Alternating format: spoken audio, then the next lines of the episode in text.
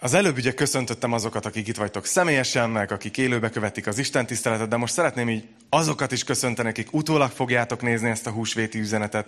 És különösen azokat, akik számára az első alkalom, hogy, hogy bekapcsolódtok, vagy akik első alkalommal vagytok itt közöttünk. Szeretném, ha tudnátok azt, hogy mi tényleg örülünk minden egyes új arcnak, és csak hogy lássátok, még külön készültünk is nektek. Van egy ilyen oldalunk, hogy golgotakistarcsa.hu per hello.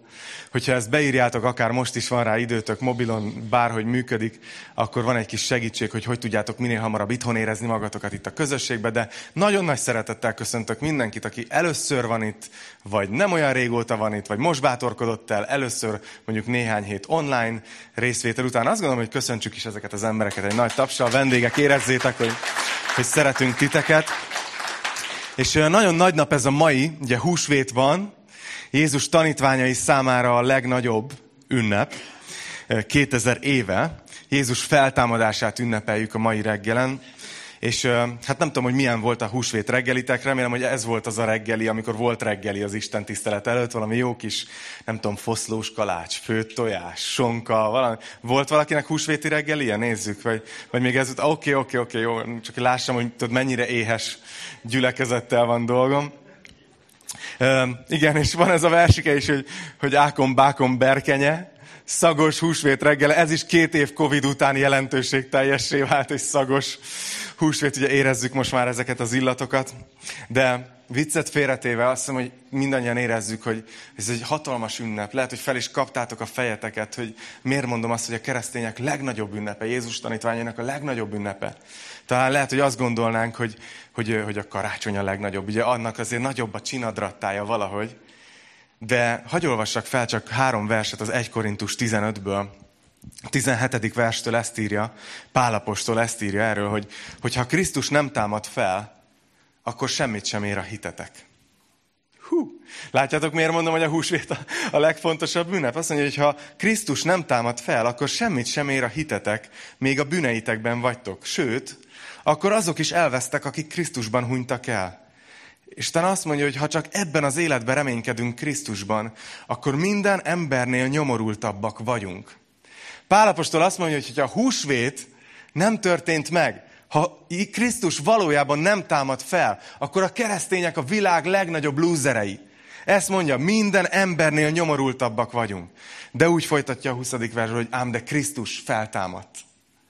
És ezt ünnepeljük ma reggel. Erre emlékszünk. A húsvétnak nagyobb egy módon a tétje, mint a karácsonynak. Mert az, hogy Jézus létezett, azt senki nem tagadja, aki kicsit is tanulmányozta a történelmet. De az, hogy kijötte a sírból húsvét vasárnap, az perdöntő, az mindennél fontosabb. Úgyhogy egy ünnepi üzenettel készültem nektek, és Gondoljatok így erre, tudom, hogy valakinek segít az, hogyha tudja követni, hogy hol tartunk az üzenetem belül. Két nagy részre bontottam a mai tanítást. Az első az egy időutazás lesz. Vissza fogunk menni oda a húsvéti eseményekre. El fogom olvasni, hogy mi történt azon a reggelen, hogy történt. És a második részben pedig szeretnék egy kicsit arról beszélni, hogy, hogy mi a húsvét üzeneteit ma 2022-ben Magyarországon számunkra nagyon gyakorlatilag a mi életünkre, és figyeljetek, nem csak a mi életünkre. Mindig úgy tekintek a vasárnap reggelekre, hogy tudom, hogy ti mentek kedden vissza munkába, igen, bocsánat, ünneprontó vagyok, de beszéltek emberekkel, visztek egy üzenetet az életetekkel, a szavaitokkal, és szeretnélek erre is felkészíteni titeket, hogy mi a húsvét üzenete, amit vihetünk, vagy amit megoszthatunk közösségi médiában. Tehetjük ezt bárki elé. Szóval, ha készen álltok, akkor vágjunk bele. Kezdjük azzal, hogy megnézzük azokat a történéseket, amelyek a húsvéti ünnep középpontjában vannak. Hogyha van nálatok Biblia, akkor a János evangéliuma 20. részéből fogok felolvasni, ha nincs, akkor ki lesznek vetítve a versek. Ez itt köszönet a kivetítő előkészítőknek és a kivetítősöknek. Az előzményekről egy pár szót, mielőtt elkezdek olvasni.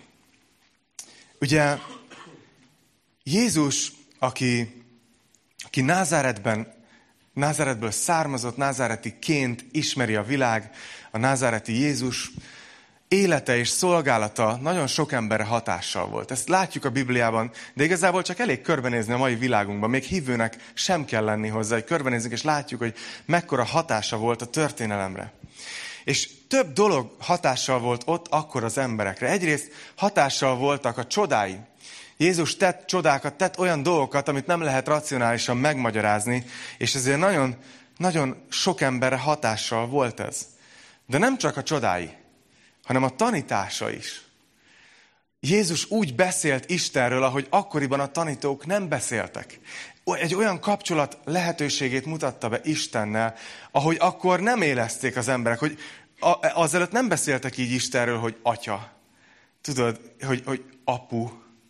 És Jézus eljött és tanította az embereket, hogy egy ilyen belsőséges, barátságos kapcsolatban élhettek az Istennel. És nagyon nagy hatással volt ez, hogy Isten nem egy távoli valaki, hanem szereti az embert, és bizalmi kapcsolatban akar élni velünk.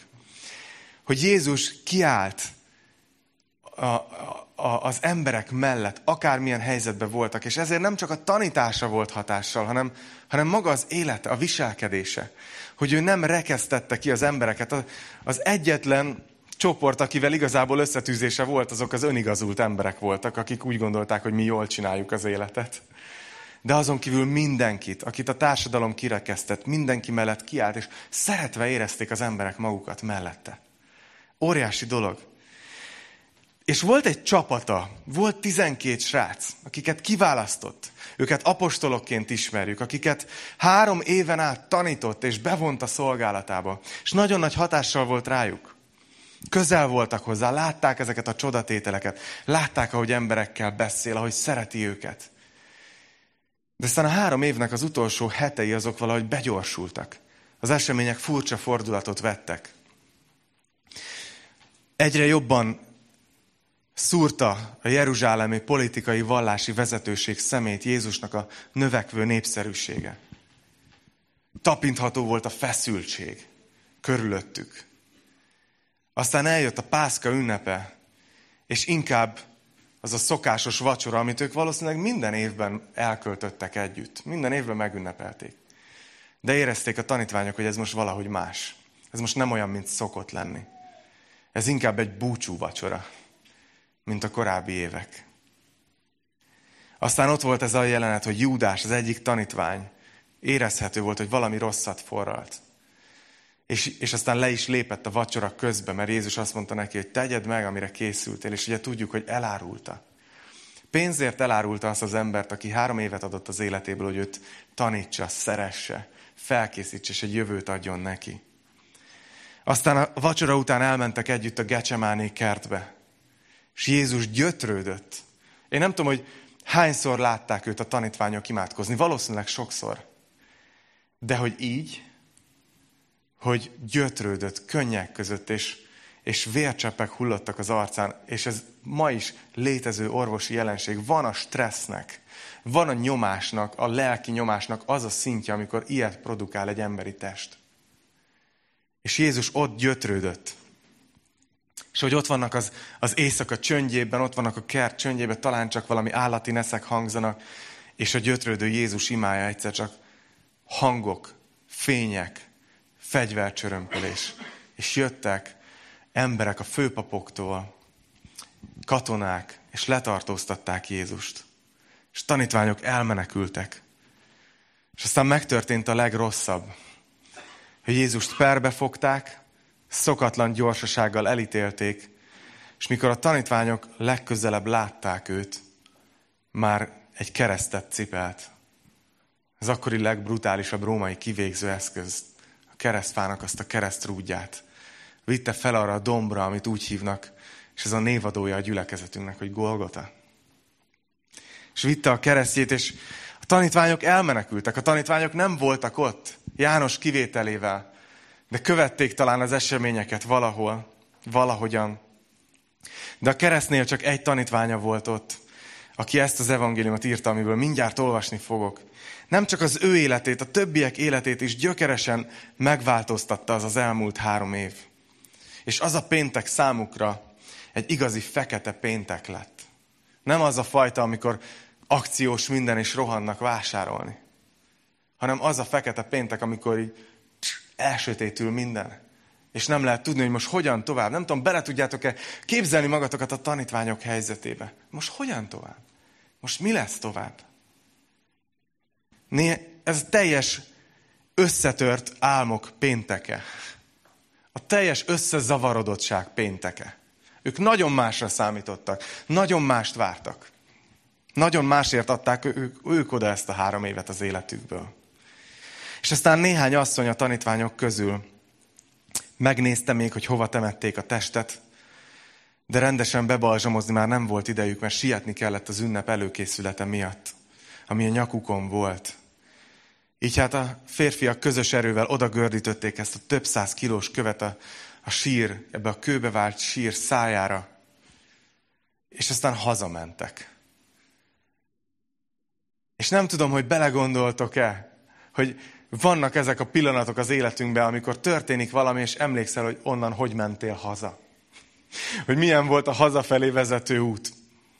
Hát ezeknek a tanítványoknak ez biztos egy ilyen nap volt, hogy mentek haza, és na most hogyan kéne folytatni az életet. Ezt tudom képzelni, hogy, tehát, hogy ünnep van, hogy ünnepelni kéne, hogy hogy ünnepeltek ők. Lehet, hogy mentek át a rítusokon, de teljesen máshol járt az eszük.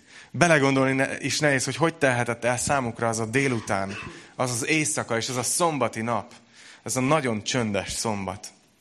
Hogy mi lesz most? Hogyan tovább? Aztán én valahogy mindig úgy képzeltem el, hogy vasárnap reggel már valahogy, ugye a hét első munkanapja indul az élet, mint nekünk a hétfő, akkoriban ez így volt. Hogy így valószínűleg rájuk köszöntött a gyakorlati, hétköznapi helyzet, hogy az élet megy tovább, indulni kell, dolgunk van, valamit folytatni kell, csinálni kell. Csak még az asszonyoknak ugye ott volt, hogy be kéne fejezni a test balzam, balzsamozását, akkor legyen ez a fejezet is lezárva. Nem volt idő az ünnepi előkészületek miatt korábban megadni a, a végső tisztességet Jézusnak, kit szerettek. Valahogy feltenni a pontot az íre. És hát innen vesszük fel a történet fonalát. A János 20-ban az első verstől. Azt mondja, hogy a hét első napján korán reggel, amikor még sötét volt, a Magdalai Mária odament a sírhoz. És látta, hogy a kő el van véve a sírbolt elől. Elfutott tehát. Elment Simon Péterhez és a másik tanítványhoz, akit Jézus szeretett, és így szólt hozzájuk, elvitték az urat a sírból, és nem tudjuk, hová tették. Szóval itt látjuk, hogy János csak a Magdalai Máriát említi, de többi evangéliumból tudjuk, hogy több asszony is volt ott, akik együtt mentek a sírhoz befejezni Jézusnak a testének a balzsamozását. Még azt is tudjuk, hogy, hogy útközben beszélgettek erről, hogy vajon ki fogja elvenni a követ, azt a, azt a több száz kilós követ. De nem tudom, hogy ti hogy vagytok vele. Néha, amikor a húsvéti történetre gondolunk, szerintem úgy vagyunk vele, hogy valahogy elképzeljük, hogy, hogy mennek, odafele még szomorúak, meglátják, hogy nincs ott a kő, és hirtelen megszólal a halleluja kórus, hogy ja, hát húsvét van, hát ma támad fel, akkor ünnepeljünk. De nem ezt látjuk. A, érzitek a bibliai szövegben, hogy mennyire más van itt? Hogy oda megy Mária, látja, hogy nincs ott a kő, és elfut és, és nem azt mondja, hogy gyerekek, lehet, hogy feltámadt, hanem azt mondja, hogy elvitték. Ellopták a testet. Ő még itt abszolút nem lép át húsvéti hangulatba, hanem ha lehet, még rosszabb lett a helyzet. Eddig csak meghalt Jézus. Most már szembe kell nézni azzal, hogy még el is lopták a testét. Ez már csak egyre rosszabb lesz, mint egy rémálom. Önmagában is egy kicsit borzongató dolog temetőbe menni. De most csak gondoljatok bele az ő helyzetébe, és aztán mindjárt tovább lépünk. Tudjátok, hogy fog folytatódni a történet. De azért mégis gondoljatok bele, hogy mondjuk egy hozzátartozótok, akit szerettek, elhuny, és, és ugye kint vagytok a temetésen, hoznak az emberek koszorúkat, ugye lerakják virágokat a sírra, ott a családdal össze, ott maradtok még, és, és mindenki sír, és, és már akik eljöttek részvétből, már ők hazamennek, ott van még a család, aztán egyszer a család is azt mondja, hogy, hogy na jó, hát akkor valószínűleg itt van az a pont, hogy akkor menjünk mi is. És aztán mentek, és aztán eljön a másnap, és eljön a harmadnap, és eljön az a nap, amikor úgy döntesz, hogy most már ki tudsz menni újra, vagy ki kell menni újra a sírhoz, és, és rendbe kell tenni. És mész ki, és tud, keresed, hogy hol lehet az, hol van az a sír, ahol a friss virágok vannak. Igen, ott a harmadik útnál kell majd jobbra kanyarodni a cinkotai temetőbe. És mész, és, és befordulsz, és keresed már a szemek. Igen, azóta volt pár temetés, nem is olyan könnyű beazonosítani, és egyszer csak meglátod a sírt, és ki van ásva. Érzitek ezt a... Milyen érzés lenne? Tehát, hogy így azért ott néznétek egy nagyot. Hát valami ilyesmi lehetett a Magdalai Máriának, hogy mi folyik itt? Mi történik itt? Nem csoda, hogy fut, nem csoda, hogy fél. És um, ott van a reakció, félelem és kételkedés. És Máriának ez az interpretáció, hogy elvitték, ellopták. És akkor nézzük, hogy a, a srácok, Péter és János, ugye ők is akcióba lépke, ők korán nem keltek, tehát ezt a balzsamozást az asszonyokra hagyták, de, de most, hogy valami helyzet van, akkor most ők fognak intézkedni. Na jó, lehet, hogy jogtalanul bántom őket.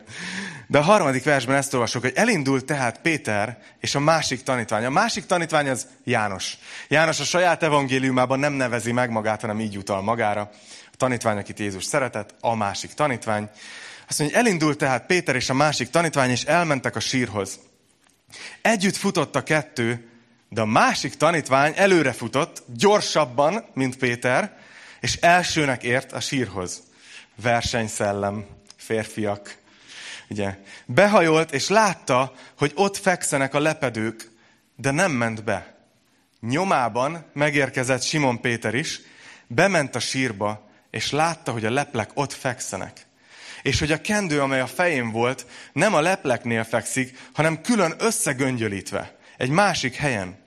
Akkor bement a másik tanítvány is, aki elsőnek ért a sírhoz, és látott, és hitt. Még nem értették ugyanis az írást, hogy fel kell támadnia a halottak közül. A tanítványok ezután hazamentek. Szóval látjuk, hogy Péter és János mennek a sírhoz, és János fontosnak tartja legalább négyszer megemlíteni, hogy ő volt a gyorsabb futó. Ezt, ezt elnézzük neki.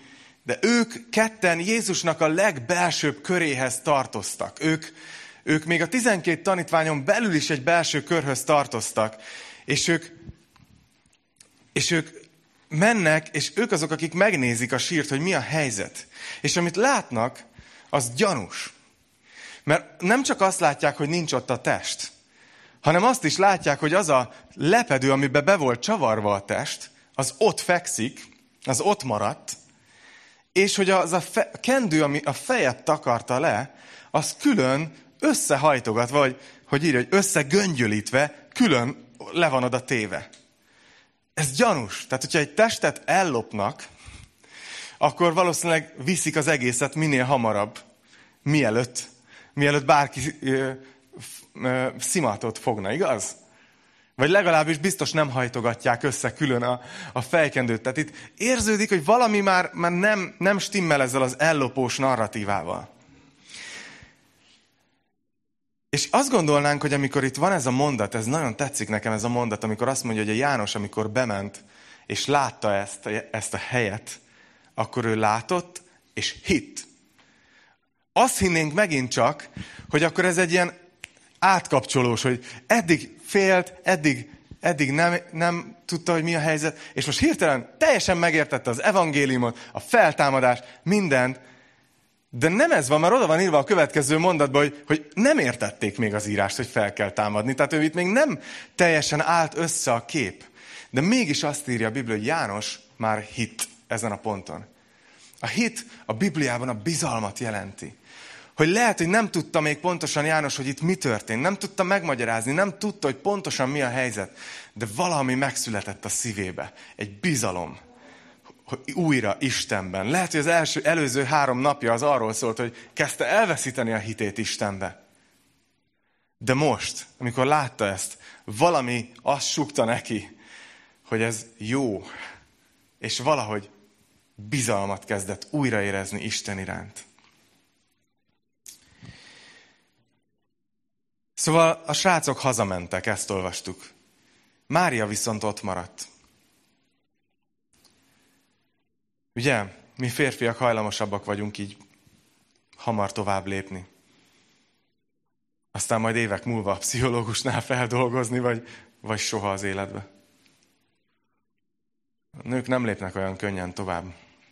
Mária pedig, 11. vers, a sírbolton kívül állt, és sírt. Amint ott sírt, behajolt a sírboltba, és látta, hogy két angyal ülött fehér ruhában, ahol az előbb Jézus holteste feküdt az egyik fejtől, a másik pedig a lábtól. Azok így szóltak hozzá, asszony, miért sírsz? Ő ezt felelte nekik, mert elvitték az én uramat, és nem tudom, hogy hová tették. Látjátok, hogy Mária nem tud kilépni ebből a gondolatból. Nem tudja elképzelni, hogy ki az, aki ilyet tenne Jézus holtestével, hogy miért, hogy kinek áll érdekében, hogy mi ez az egész, ami történik. Nem volt elég, hogy megkínozták, megölték. Amikor ezt mondta, hátrafordult, és látta, hogy Jézus ott áll, de nem ismerte fel, hogy Jézus az.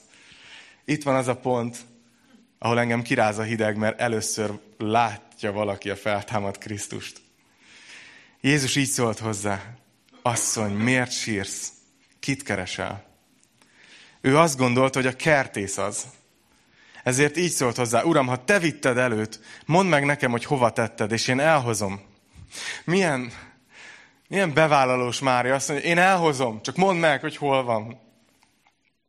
Mennyire szereti Jézust. És ekkor Jézus nevén szólította, Mária. Az megfordult, és így szólt hozzá héberül, Rabbuni, ami azt jelenti mester. Jézus ezt mondta neki, ne érints engem, mert még nem mentem fel az atyához, hanem menj el az én testvéreimhez. Mondd meg nekik, felmegyek az én atyámhoz és a ti atyátokhoz. Az én Istenemhez és a ti istenetekhez. Jézus küldetést ad Máriának. És azt mondja, hogy elment a Magdalai Mária, és hírül adta a tanítványoknak, hogy látta az Urat. És hogy ezeket mondta neki. Mária kétszer fordult aznap reggel. Els, első alkalommal csak hozta a, sír, a hírt, hogy a sír üres, hogy nincs meg a test. Ugye ez volt az első útja. És aztán a második útja az az, hogy láttam Jézust. Láttam Jézust. És annyira tetszik nekem, hogy látjátok, egy ilyen korban, ahol akkoriban a nőket nem sokra becsülték, főleg a nők szavára nem sokat adtak. Jézus kit választ ki, hogy az első hírnöke legyen, az első evangélista, az első ember, aki hirdeti a feltámadást? Máriát. És megy, és hirdeti. És el nem tudom képzelni ezt a jelenetet, még végigolvasni is nehéz, hogy, hogy ú, ott mi játszódott le Mária, vagy ez, ez mekkora, hogy tudod, elhiggyem, ne higgyem, de hát itt áll, de hát meghalt, de hát itt áll, itt meg nem fekszik. És így, ahogy így potyogtak a helyére a puzzle darabok, hogy tényleg feltámadt, és megy a tanítványokhoz, és már mondja, itt már nem kételkedik, hanem azt mondja, hogy feltámadt, láttam, láttam, találkoztam vele. A nevemen szólított. Na nézzük, mi történik még aznap, néhány vers még. Aznap, amikor beesteledett a hét első napján, ott, ahol összegyűltek a tanítványok, bár a zsidóktól való félelem miatt az ajtók zárva voltak, eljött Jézus, megállt középen, és így szólt hozzájuk békesség nektek. Hú, azért az, ott, ott lettem volna. Hogyha így lehetne választani, hogy a Biblián belül melyik történetbe teleportálok, én szerintem oda, oda mind, ez lenne az egyik a, a listán, mert hogy képzeljétek el azt a helyzetet, hogy ott már hallották a hírt, hogy üres a sír. Már hallották, hogy Mária találkozott vele, ugye? De még félnek a zsidóktól, akik éppen három napja végeztették ki Jézust. Be vannak zárva az ajtók, és nem tudom, lehet, hogy ott vacsoráznak, vagy szotyiznak. Nem, nem, tudom, nem tudom elképzelni ezt a hogy ott vannak valahogy együtt, és egyszer csak Jézus így zárt ajtók mögött, és így, így megjelenik, tudod? Nem csak, hogy így kell kezdeni, hogy békesség nektek. Tudod, szerintem úgy megijedtek, hogy mi a helyzet, de ott van. És azt mondja, hogy miután ezeket mondta nekik, megmutatta nekik a kezét, ami ugye át volt szúrva, és az oldalát. A tanítványok pedig megörültek, hogy látják az urat. És Jézus erre ismét ezt mondta nekik, békesség nektek. Ahogyan engem elküldött az Atya, én is elküldelek titeket. Szóval ott vannak ezek a félős tanítványok, rettegnek, zavarba vannak, össze vannak kavarodva, Egyszer csak megjelenik Jézus, azt mondja nekik, hogy békesség nektek, utána megmutatja a kezét és az oldalát. Ugye másik evangéliumban le van írva, hogy Tamás külön kérte később, hogy majd ezeket, ezeket a sebeket megérinthesse. De itt látszik, hogy a többi tanítványnak is megmutatta, hogy tehát, mint hogyha azonosította magát, hogy ez, ez tényleg én vagyok, ez a biometrikus azonosításnak az első írásos emléke, hogy, hogy itt van a, a dárda, itt van a szögek helye, itt van a dárda helye. Én vagyok az, tényleg feltámadtam. És a tanítványok, annyira tetszik ez a félmondat, hogy a tanítványok megörültek. Hogy abból a összezavarodottságból, abból a szomorúságból, amiben voltak, abból a káoszból átment az egész egy ilyen ünneplésbe, hogy azt a mindenit tényleg feltámadt. Nem volt hiába az elmúlt három év. Akkor ez még csak most kezdődik. Nem tudom, miket gondolhattak, csak próbálom magam beleérni, de ünnepeltek, örültek. És amikor ott vannak már ebben az állapotban, amikor már átjöttek abból, hogy a félelemből az örömbe, akkor Jézus azt mondja, hogy figyeljetek, tényleg csak most kezdődik a történet, mert ahogy az Atya engem elküldött, most én is el foglak küldeni titeket. És utána látjuk a Bibliában végig, hogy ezek az emberek, ezek a tanítványok elmentek, és magukénak érezték ezt a küldetést. És igazából a keresztények 2000 éve magukénak érzik a küldetést, hogy menjenek és hirdessék azt, hogy Jézus feltámadt. Hogy Jézus meghalt a kereszten a bűneinkért, eltemették, de nem maradt a sírban, hanem harmadik nap feltámadt. És ezért ennek a nagyon pragmatikus következtetése, a logikus következő lépcső, hogy ma is él. Hogy Jézus él. És aztán a Biblia még folytatja a leírást a következő napokról, hetekről, csak röviden. Látjuk azt, hogy több alkalommal megjelent a tanítványoknak. Egy alkalommal megjelent több mint 500 embernek egyszerre. Ezért érdekes az egyébként, hogy ugye ma már így 2000 év távlatából elég sokan megkérdőjelezik a feltámadást, hogy egyáltalán megtörtént-e, lehet-e bizonyítani, de az a furcsa, hogy az első időből nincsenek ilyen, ilyen emlékek és ilyen feljegyzések, mert annyira sok szemtanú volt, hogy ezt, azt nem lehetett tagadni. Na, bárki megcáfolhatta volna a beszámolókat, de nem cáfolták meg, mert nagyon sokan látták Jézust élve. Aztán ta- találkozott azzal a két tanítványjal, akikkel Gergő két éve sétál, vagy három, ugye, akik mentek Emmausba, és van egy ilyen sorozatunk itt a gyűlőben, hogy az Emmausi, Emmaus 12, hogy Krisztus az Ószövetségben, és látták Jézust sokan feltámadva. Nagyon nagy esemény volt. A világ történelem kerekét megfordította. Nem hiszem, hogy állnának ma templomok világszerte, hogyha Jézus sírja ott lenne, és ott lenne benne egy múmia.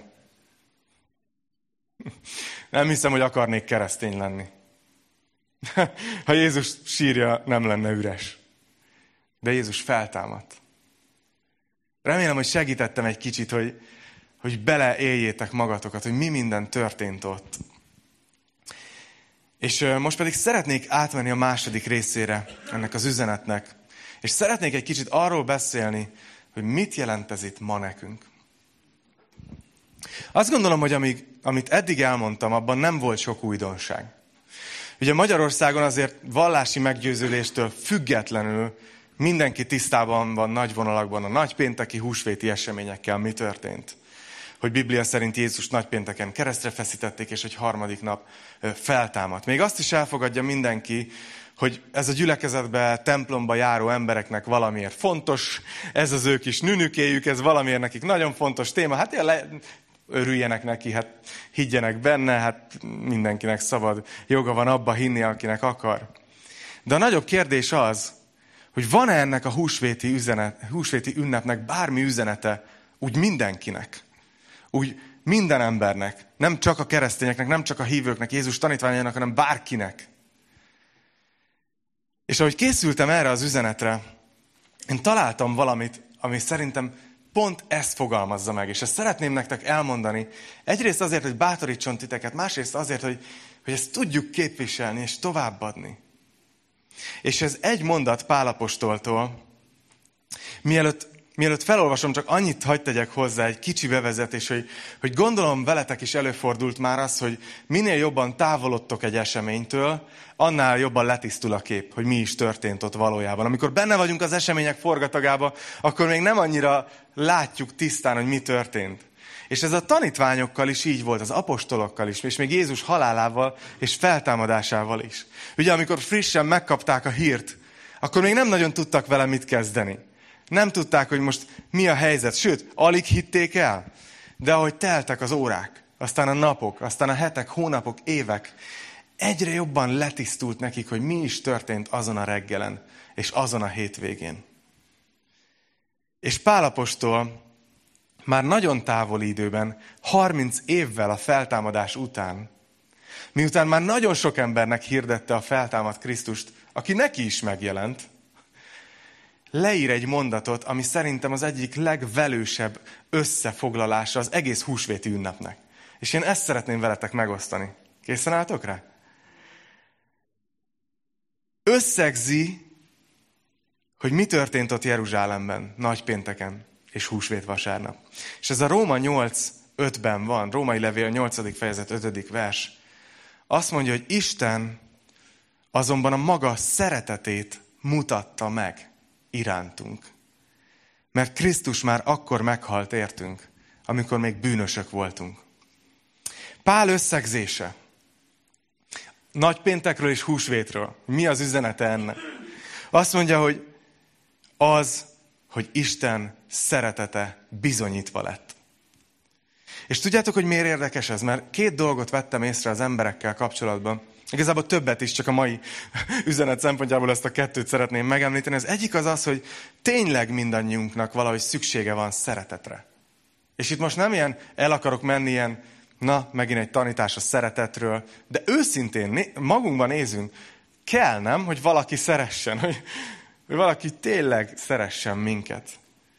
De a másik, ami szintén igaz minden emberre, hogy mindannyian tudjuk az, hogy milyen az, amikor valaki a szeretetről csak beszél. De aztán a tetteiből kiderül, hogy igazából nem. Tudjuk, hogy milyen az a szeretet, ami csak szavakból áll, és nincsen mögötte aranyfedezet. Ugye mindannyian tapasztaltatok szerintem már ti is olyat, és most nem kérem, hogy jelezze, akinek volt ilyen eseménye. Mi lennénk hirtelen a legkarizmatikusabb gyülekezet. Mindenki kezeket fel. Hogy ki az, aki már tapasztalt ilyet, hogy valaki szeretette, aztán kiderült, hogy nem. A tettei másról tanúskodtak. És ez a, ez a mai üzenetem nektek húsvéttel kapcsolatban, hogy az igazi szeretet az nem csak beszél. Az igazi szeretet az bizonyítja magát tettekkel is. És Pálapostól ránéz a keresztre, és ránéz az üres sírra, és azt mondja, hogy Isten megmutatta a szeretetét. Nem csak beszélt róla, hanem bebizonyította. Kicsit azért álljunk meg ezeken a gondolatokon most itt átsuhantam, hogy ah, minden embernek szüksége van a szeretetre, de kicsit nézzük meg ezt, hogy tényleg így van ez? Én azt hiszem, hogy tényleg teljesen mindegy, hogy valaki vallásos-e vagy sem. Ebben osztozunk. És azért merem olvasni, mert a héten több ilyen teljesen szekuláris pszichológiai kutatást olvastam, és ilyen kutatási eredményeket, ahol konkrétan beszélnek erről, hogy mennyire alapszükséglete egy embernek a szeretet. Hogy tudod, vannak dolgok, amit az egészségedért tehetsz, de nagyon sokan bele is betegszenek, hogy lehet, hogy minden rendben van. Eleget mozog, jól táplálkozik, minden rendben van, de nincs valaki, aki igazán szereti, és megbetegszik az ember. Szükségünk van a szeretetre, és még ezek a kutatások definiálták is, hogy mi a szeretet. És így definiálták ezt a kettőt, találtam leginkább, hogy szeretet az, amikor valaki megadja nekem azt az érzést, hogy én én mellette biztonságban érezhetem magamat. A, szeretetnek az egyik jellemzője, ez egy biztonságérzet. Igaz, hogy ha engem szeretnek a szüleim, az azt jelenti, hogy én, én teljesen biztonságban vagyok ebbe. Nem kell félnem, hogy teszek valamit, és hirtelen ők majd nem fognak szeretni, hanem biztonságban van ez a dolog. És aztán a második, hogy értékesnek érzem magam, hogy számítok, hogy fontos vagyok valakinek. Akkor érezzük, hogy szeretve vagyunk. Ha valaki vel kapcsolatban ezt érezzük. És azért is merem mondani, hogy minden embernek szüksége van a szeretetre, mert elég bekapcsolni a rádiót, vagy a Netflixet, vagy a Spotify-t, vagy betenni egy régi CD-t, vagy bakelit lemezt. Garantálom, hogy bármilyen számok vannak rajta, a szeretet valahogy előkerül. Valahogy vágyunk erre. És tudjátok, éppen ezért az egyik legsebezhetőbb pontunk. És ez visz a második pontomra, amit említettem. Hogy arról is szólnak ezek a számok, a filmek és minden egyéb, hogy egy általános emberi tapasztalat, amikor csalódunk a szeretetben. Amikor tudjuk, hogy milyen az, amikor csak duma volt. Valódi szeretet nem volt ott, és ez, ez előjöhet párkapcsolatban, előjöhet házasságban, barátságokban, családban, és nem csoda, hogy manapság már kicsit kételkedve fogadjuk azt, hogyha valaki arról beszél, hogy szeret minket. Mert csalódtunk már. És éppen ezért, amikor valaki arról beszél, hogy jönnek tudod, lelkes, buzgó keresztények, Isten szeret téged. Tök jó. Mit kezdjek vele? Biztos ti is láttatok már ilyen tekinteteket. Hogy aha, ilyet is hallottam, kértem én tőle. Valahogy egy ilyen világban élünk, mert, mert meg vagyunk recsenve szeretetileg. Csalódtunk már. És ezért nem tudjuk úgy fogadni, hogy, hogy talán kellene. És ez a párvers pedig pont arról szól. És az, ezért akartam behozni ezt a témát ide húsvétra. Hogy a húsvét ünnepe arról szól, hogy Isten nem csak mondta, hogy szeret minket, hanem ő be is bizonyította ezt. Hagy szemléltessem ezt egy történettel, jó? Kicsit szívszorító lesz öveket becsatolni, és egy igaz történet. Ez megtörtént néhány éve Amerikában, Albuquerque városában, az egyik legkimondhatatlanabb nevű amerikai város. Jól mondtam, Körk? Egy rendőrről szól. Ezt a rendőrt úgy hívták, hogy Ryan Holetz. És ő, ő egy olyan rendőr, aki nagyon sokszor beszélt arról, meg beszél arról kamerák előtt, hogy ő, hogy ő tényleg azért lett rendőr, mert, mert annyira szereti a városát, hogy ő konkrétan abban a körzetben rendőr, ahol él. Ugye az ő gyerekei együtt játszanak a, a többi lakó gyerekeivel, és ő szereti ezt a várost, és ő, és ő akart valamit ugye tenni azért, hogy így megvédje, valódi hivatásból ott, az ott élő emberekért tenni valamit. De azon a napon, amikor ez a történet játszódik, olyan kihívással nézett szembe, amire nem számított. Az a nap egy teljesen átlagos munkanapnak indult. Ahogy járőrözött, egy élelmiszerbolt mögött két hajléktalanra lett figyelmes. Egy nőre és egy férfira. És hogy közelebb ment hozzájuk, látta, hogy, hogy drogfüggők, és éppen készülnek belőni magukat. És ez még, amit eddig elmondtam, ez mind belefért számára egy átlagos munkanap leírásába. Ilyet máskor is látott. De ahogy közeledett ez a párhoz, és elkezdte a szokásos rendőri szöveget mondani, a felénél elakadt a szava. Mert meglátta, hogy a nő terhes. És az a döbbenetes, amúgy utána nézhettek, majd lehet, hogy a gyülekezeti csoportunkba is beteszem, hogy a konkrétan a testkamerája, ami rá volt szerelve, az az egészet rögzítette. Tehát, hogy így látszik, ahogy meglátja őket, igen, eldönti, hogy kiszáll a kocsiból, oda megy, és kezdi a beszédet, és egyszer csak így elakad a szava. Tehát ez így, így hallani, ahogy így, ahogy így meglátja, hogy ez, az a, hogy ez a nő várandós. És így megkérdezte tőle, hogy, hogy te, te gyereket vársz? És hallatszik, hogy a nő pedig elkezd sírni. És aztán beszélgetésbe legyettek, és ez a nő nagyon megtört volt. Tele volt keserűséggel, tele volt csalódásokkal, és tele volt félelmekkel. És leginkább a félelmei az a születendő gyermekével kapcsolatosak voltak. Mert ő látta magát. Ő pontosan látta a saját életét, hogy mennyire nehéz és rossz helyzetben van. Pontosan tudta, hogy nem tud majd gondoskodni megfelelően erről a, erről a kislányról. És, és ahogy beszélt ezzel a rendőrrel, így megosztotta vele, hogy, hogy hát az, az, attól várná talán a legjobb jövőt a gyermeke számára, hogyha sikerülne valahogy örökbe fogadni. De ki akar örökbe fogadni egy ilyen gyereket? Akinek az édesanyja még nyolc hónapos várandósként is éppen belőni készül magát. És akkor a beszélgetés egy váratlan fordulatot vett. Ez a Ryan nevű rendőr, aki néhány perce még rendőrként volt ott, a saját elmondása szerint már csak emberként állt ott. Csak, csak nézte ezt a, ezt, az, ezt a sorsot, ezt az emberi életet. És letaglózta a gondolat, hogy milyen jövő vár erre a gyermekre is. És azt érezte azon a ponton, hogy itt most nem elég az, hogy beszél arról, hogy ő mennyire szereti a városát. Hogy ő mennyire szereti az ott élő embereket. Nem elég, ha erről beszél, hanem hogy itt valamit tenni is kell. És arról beszél, keresztény volt ez a rendőr, és azt mondja, hogy a Szentlélektől egy nagyon erős indítatást érzett, hogy mondja azt, hogy a feleségével együtt ők örökbe fogadják ezt a kislányt, aki meg fog születni. Anélkül, hogy beszélt volna a feleségével. Talán azt is elmeséli, hogy ment haza, és egész úton hazafelé. Azon gondolkodám. De ez a történet, ez nekem nagyon tetszett. És lecsekkoltam több szempontból, utána néztem, valóban megtörtént. És talán azért osztottam meg veletek, mert szerintem segít megérteni, hogy, hogy mire gondolok, amikor azt mondom, hogy az igazi szeretet az nem csak beszél, hanem bizonyítja tettekkel is a szeretetet. És hogy Isten szeretete ilyen. Hogy Pálapostól ránéz erre, ránéz a keresztre, és azt mondja, hogy, hogy Isten a maga szeretetét, maga szeretetét mutatta meg. Megmutatta szó. Hogy Krisztus már akkor meghalt értünk, amikor még bűnösök vagyunk, voltunk. És emlékeztek, mit mondtam, hogy mi a két jellemzője a szeretetnek? Hogy a biztonság, és az, hogy fontos vagy, számítasz. És Isten pont, szeretete pont ezt teszi, mert lehet, hogy valaki még mindig úgy hallgatja ezt, hogy fantasztikus, hogy ti tudtok lelkesedni azért, hogy Isten szeret. De mit jelent ez a gyakorlatban? Hagy beszéljek erről egy kicsit.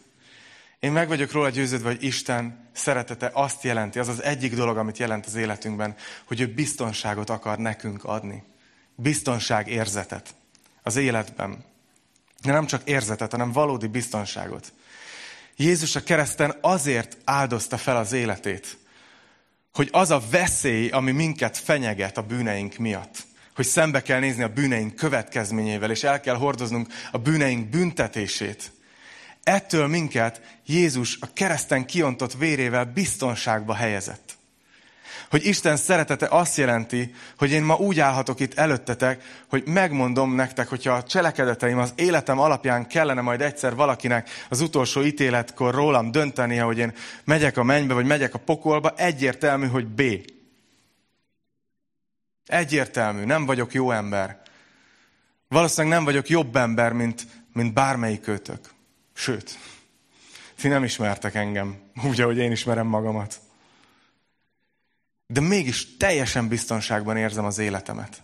Teljesen biztonságban érzem a jövőmet. Teljesen biztonságban érzem, hogy mi történik velem, hogyha még akár ezt a mondatot se fejezem be, és itt összerogyok. Nem, nem, nem számít. Tudom, hova megyek. És azért, mert Isten szeretete biztonságba helyezett engem. Mert Jézus vére miatt megváltott ember vagyok. És az is igaz, hogy a szeretet az azt mondja neked, hogy valaki nek számítasz, valakinek fontos vagy. És azért most gondoljatok bele, hogy miről beszél az, hogy, hogy Isten, amikor látta, hogy az ember megszegte a törvényeit, látta, hogy átrúgta a szabályokat, látta, hogy az ő világát teszi tönkre a bűn következményeivel, akkor nem azt mondta, hogy jó van, így döntöttél, megmondtam előre a következményeket, minden jót, hanem saját magát odatta. És saját magára vette azt a büntetést, amit igazságossága miatt ki kellett szabnia. Mit mond ez neked, meg nekem? Szerinted fontosak vagyunk Istennek? Szerinted számítunk? Szerinted mennyire vagyunk értékesek az ő szemébe? Hihetetlen. Ezt mind jelenti az, hogy Isten szeret.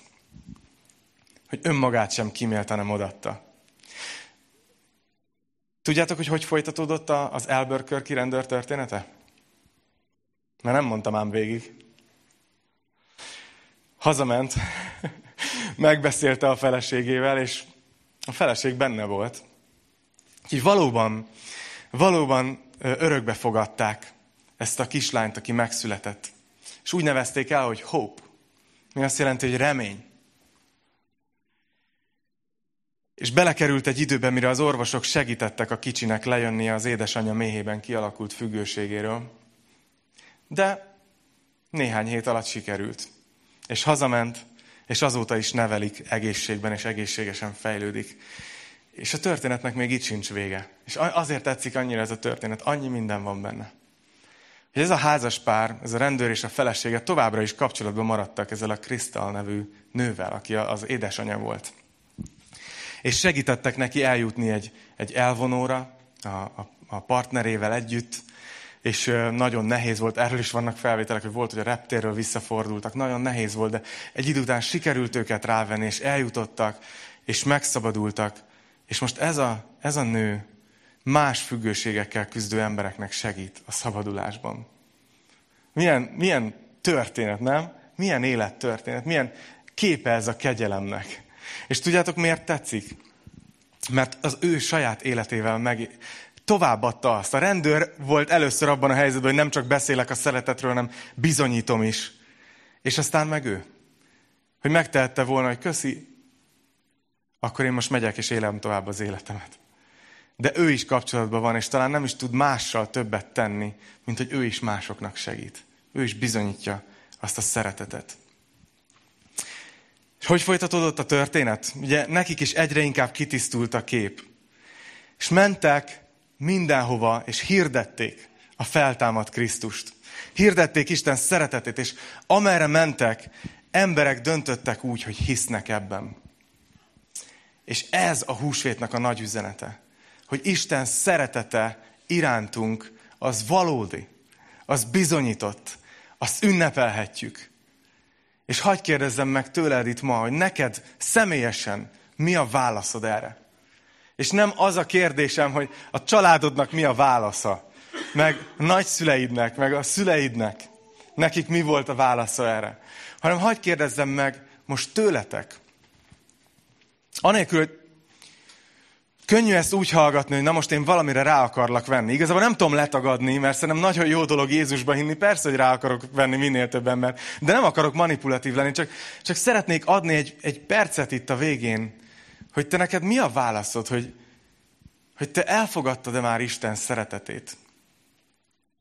Hogy te elfogadtad-e már azt, hogy, hogy Krisztus érted halt meg a kereszten, és feltámadt a harmadik napon, és ezért egyetlen lépésre vagy attól, hogy biztonságba kerüljön az életed. Hogy megtapasztalod azt a teljes életet, amire teremtve lettél. Ezt jelenti Jézus tanítványának lenni. Ez nem valami erkölcsi klub, körbenéztek, küzdünk jó néhányan, jó néhány dologgal. De meg vagyunk mentve. Ez elég jó érzés. Még hagyj olvassak el pár verset itt a Róma 5-ből, és aztán be fogom fejezni. Azt mondja, hogy ha tehát már most megigazított minket az ő vére által, mennyivel inkább meg fog menteni minket a haragtól. Mert ha akkor, amikor még ellenségei voltunk, megbékéltettünk Istennel a fia halála által, akkor miután megbékéltettünk, még inkább üdvözíteni fog minket az élete által. Látjátok, hogy Jézusnak a halála és a feltámadása együtt egy olyan erős üzenet, amivel kezdenünk kell valamit. És a tanítványok válasza világszerte az volt, hogy mentek és hirdették ezt. Minden városban, minden helyen. És most hagyd tegyem ezt egy kicsit itt személyessé a végén számunkra. Mentek, és felajánlották az embereknek ezt a választási lehetőséget, hogy figyelj, ez történt, Isten ezt mondja, Isten ezt üzeni, hogy bűnös vagy, de elküldte a fiát, és Jézus meghalt érted, és azzal bizonyította, hogy tényleg Isten volt, és nem csak egy jó ember, hogy fel is támadt. És ezért, ha te úgy döntesz, ahogy János ott a sírban, hogy hiszel, akkor örök életed van. Akkor nem kell elhordoznod a bűneid büntetését. És feltették ezt a kérdést embereknek, és emberek százai, ezrei, milliói döntöttek úgy, hogy igen, elfogadjuk. Hiszünk Jézusban. Hiszek. És ezt az egy döntést nevezi a Biblia megtérésnek. Amikor valaki így dönt, hogy én hiszek Jézusban, és mostantól őt követem. És uh, gondoltam, koztam rajta, hogy hogy zárjam le ezt az üzenetet. És most egy rendhagyó módon fogom lezárni. Ahogy még eddig egy húsvéti üzenetemet se zártam le az elmúlt hét évben. És eszembe jutott, hogy a, a tanítványok, akik ott mentek, hirdették, és emberek reagáltak, és azt mondták, hogy igen, én megtérek. Én szeretnék, szeretnék megtérni. Volt egy gyakorlati lépés, amit megtettek. És ez, ez a keresztség, vagy a bemerítkezés volt. Akkoriban ezt nagyon egyszerűen csinálták, általában volt ott valami folyó, vagy patak, vagy valami víz a környéken, és ha valaki kimondta ezt, hogy igen, én, én eldöntöttem, megtérek, hiszek Jézusban, akkor bemerítették. Olyan, mint hogyha Isten ezt úgy találta volna ki, hogy, hogyha már Isten szeretete az olyan, hogy, hogy nem csak szavakból áll, hanem Isten meg is mutatta az ő szeretetét, hogy nekünk is felajánlott egy lehetőséget, hogy ne csak kimondjuk, hogy szeretjük Istent, és megtérünk és elfogadjuk, hanem legyen valami, amivel mi is megmutathatjuk, hogy szeretjük Istent.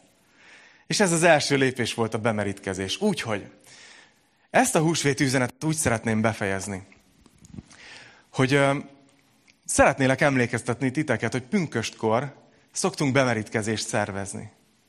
Fölállítjuk itt hátul a medencét, és, és azok, akik ott tartanak, hogy azt mondják, hogy igen, én hiszek Jézusban, bemerítjük, imádkozunk értük, és ünneplünk velük, ahogy megteszik ezt a lépést. Általában előtte néhány héttel szoktam szólni, de most úgy döntöttem, hogy húsvéti üzenetet ezzel szeretném lezárni. Tudom, hogy, hogy különböző útján, különböző pontján járunk az utunknak. Vagytok itt, akik már évek óta megtértetek, meghoztátok ezt a döntést, csak még nem merítkeztetek be. Hagy bátorítsalak titeket, hogy merítkezzetek be. Vagytok itt, akik már hosszú idő óta jártok, és valószínűleg, ha úgy igazán oda tartanának egy fegyvert a fejedhez, akkor azt mondanád, igen, te hiszel. De ez rossz példa, mert ez a fegyver miatt mondanád. De hogy, de hogy érted, tehát, hogy csak, csak mivel hogy van idő, ezért hogy kicsit úgy húzott, hogy még nem mondott ki teljesen biztosra, mert vannak kérdéseid, elakadásaid, nem minden tiszta, és vannak kérdések, amik zavarnak. És vagytok, akik most azt mondjátok erre, hogy meghallgattátok ezt a tanítást, hogy figyelj, igazából én szeretnék megtérni. Én szeretnék bemerítkezni. Úgyhogy itt a húsvéti ajánlatom nektek. Igazi Black Friday ajánlat. Én úgy döntöttem, hogy megkérlek titeket, hogy, hogy aki picit is gondolkozik azon, hogy akár melyik csoportba tartozol a három körül, akár ma fogalmazódott meg ez a döntés, hogy szeretnél hinni Jézusban, csak még vannak kérdéseid, vagy, vagy már hosszú idő óta vannak kérdéseid, vagy már megtértél. Szeretném felajánlani az időmet. És szeretnélek kérni titeket, hogy szóljatok nekem. És mondjátok azt, gyertek oda hozzám a végén, hogy következő napokban hívjatok rám, írjatok rám a messengeren, hogy figyelj, hallottam, amit mondtál a bemerítkezésről, hát izé, én, én alapvetően szívesen, csak vannak kérdéseim, és én fogok időt csinál, csinálni erre, és üljünk le, beszéljünk, hagyj segítsek átgondolni azokat a, azokat a hiányzó pallókat, ami, ami miatt nem mersz átlépni ezen a szakadékon oda a következő lépésre.